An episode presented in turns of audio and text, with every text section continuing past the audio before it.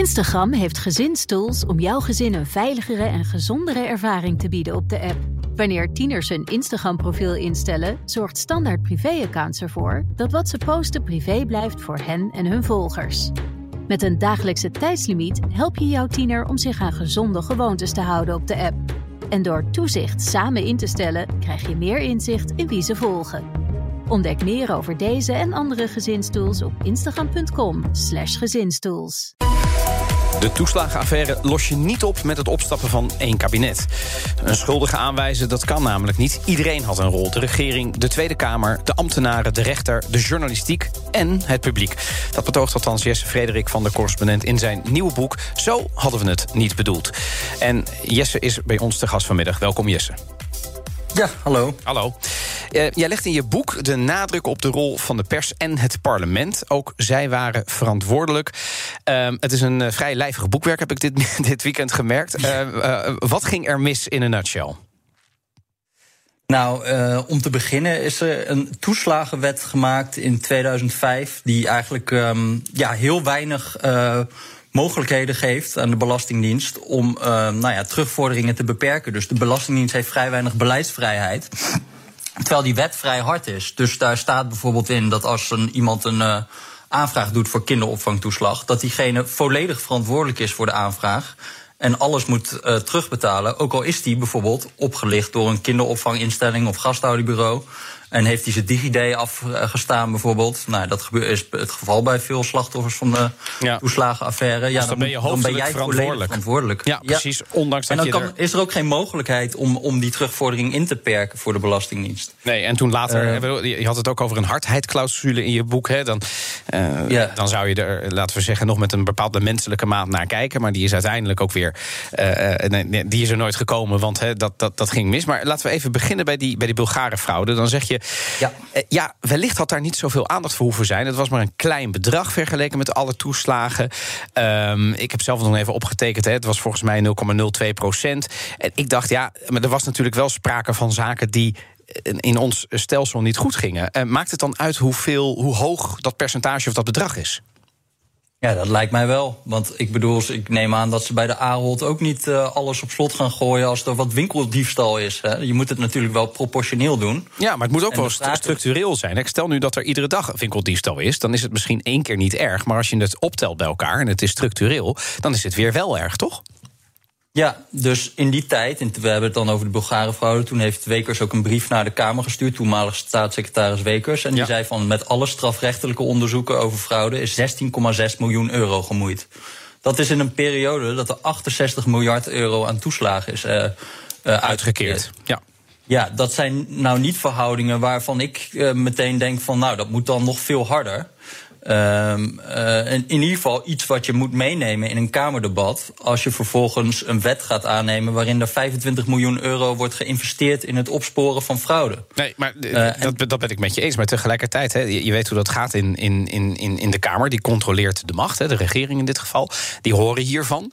En die denken, oeh, wacht eens eventjes. Als er inderdaad sprake is van structurele. Nou, jij noemt het niet eens fraude, maar hè, dat is natuurlijk het woord wat iedereen kent. Hè. Er wordt gefraudeerd, in ieder geval door zo'n tussenbureau bijvoorbeeld. Uh, ja, daar moeten we wel iets aan doen. Want als dat blijft, ja, dan kan iedereen er op een gegeven moment misbruik van gaan maken. En dat is natuurlijk ook wat er gebeurt. Hè. Eerst Bulgaren, toen Polen. En, en, en, en vervolgens zijn er steeds meer mensen in Nederland die dan denken: hé, hey, hier kan ik wellicht ook een slaatje uitstaan. Kortom, je moet dat, dat lek moet je wel dichten, toch? Um...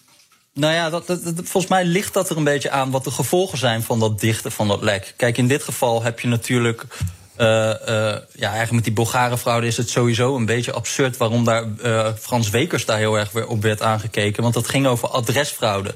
Dus er kwamen hier Bulgaren heen, die, die, die schreven zich in op een bepaald adres.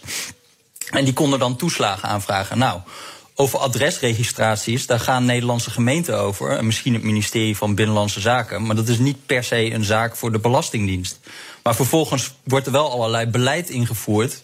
die is heel erg sterk is gericht op de Belastingdienst. Ja, en ik vind het ook wel de rol van de Tweede Kamer om een beetje eerst van tevoren na te denken: oké, okay, wat is het probleem? Voordat je gaat roepen dat je oplossingen nodig hebt. En ja. daar is het hier wel echt fout gegaan. Ik bedoel, er, zijn, er, zijn, er is een enorm bedrag geïnvesteerd in, in, in het controleren op misbruik van uh, toeslagen. En dat bedrag moest zichzelf gaan terugverdienen. Dus dat moest de Belastingdienst dan gaan innen in gekorte toeslagen. En als ze dat niet lukte, dan uh, kon ze eigenlijk zelf ambtenaren gaan ontslaan. Ja. ja. dat is natuurlijk een beetje een rare manier van financieren ook. Ja, uh, je hebt gekeken naar de Kamer, daar heb ik kritisch naar gekeken. Je hebt ook gekeken naar de rol van de pers. Um, toen ik uh, je, je, boek las, rees bij mij de vraag... Ja, moet je je als pers wel bezighouden met wat de consequenties zijn van je verhaal? Of is het je rol om feitelijk aan te kaarten wat er misgaat? Nou, ik denk dat je natuurlijk wel feitelijk moet aankaarten wat er misgaat. En niet helemaal altijd over de consequenties moet ingaan. Maar ik vind wel dat. Kijk, we zijn er behoorlijk goed in in de pers. om datgene wat uh, spannend is dan heel belangrijk te maken. En niet eerst even na te denken: is dit wel heel belangrijk? En ik vind dat bij zo'n Bulgarenfraude, als je daar een, een half jaar lang of een jaar lang allerlei debatten hebt over een fraude die echt 0,006% is van alle toeslagen in Nederland en vervolgens elke keer aan staatssecretaris Wekers vraagt: wat wist u daarvan en wanneer? En elke Tweede Kamerlid een microfoon onder zijn neus geschoven kreeg met de vraag of het nog een beetje opschiet met de fraudebestrijding. Ja, dan kunnen wij wel heel erg doen van wij hebben daar geen verantwoordelijkheid voor en wij zijn alleen de boodschappers. Maar volgens mij zijn we ook niet naïef en weten we prima wat we dan aan het doen zijn. Namelijk een spannend verhaal heel groot maken en ons niet zo goed meer aan het afvragen zijn of dit nu wel echt het grootste verhaal ooit is. Dus je hebt het niet over um, het was ik brandpunt, hè, die het als eerste naar buiten bracht, dit verhaal. Daar heb je het niet over. Dat is goed dat dat gebeurde? Ja, ik vind op zich, het is, het is natuurlijk een verhaal dat het gebeurt. Ja. Maar ik vind wel dat je daar de context bij moet schetsen van, nou ja... Uh, en dat het makkelijk kon gebeuren ook, vrij makkelijk toch? Ook wel een ding? Dat het vrij makkelijk kon gebeuren. Ja, dat je zo vrij makkelijk fraude kon plegen. Ja, ja, ja, ja. Dus dan zou je zeggen, ja, dat, als, als het daar al zo gaat... Zou, zou mijn journalistieke hart zeggen... dan gaat het misschien overal wel zo... Laten we hier eens even induiken. dus dat moet, je dan, dat moet je dan onderzoeken. En is dat zo? Want, mhm. dat is, want als, als, als dan vervolgens blijkt uit de brieven van de uh, staatssecretaris van, nou ja, het, het hele bedrag aan fraude uh, is 16,6 miljoen. Ja. En als we dan ook nog de vermoedens van oneigenlijk gebruik, dan was het volgens mij 95 miljoen. Ja. Maar dat zijn nou niet bedragen waarvan je denkt. Uh, we moeten alles anders doen.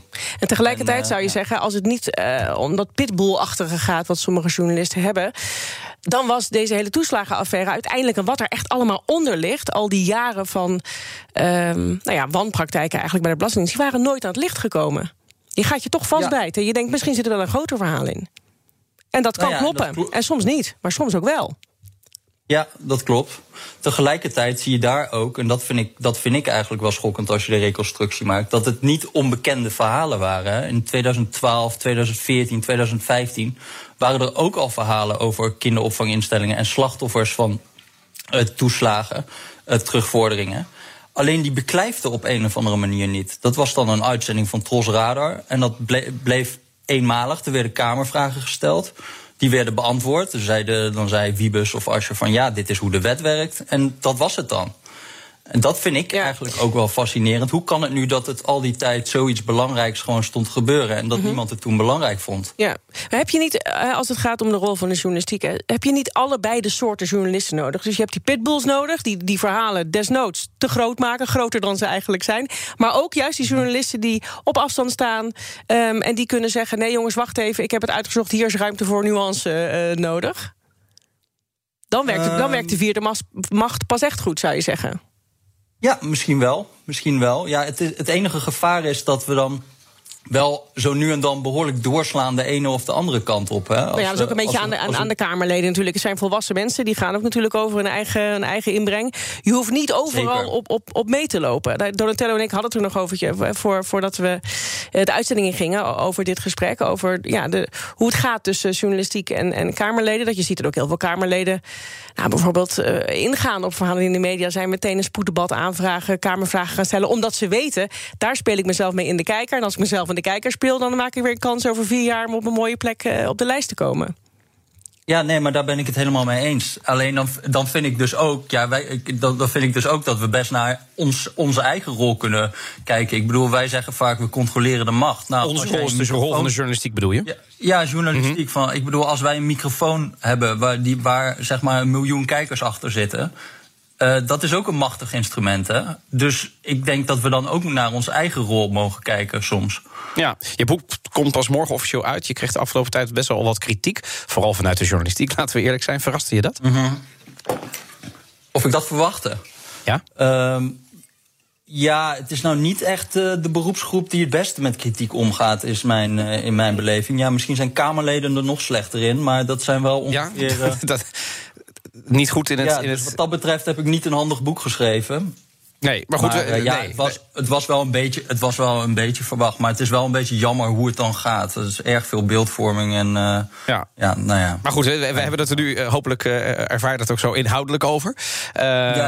In een wat langer gesprek dan, dan, dan, dan, normaal altijd.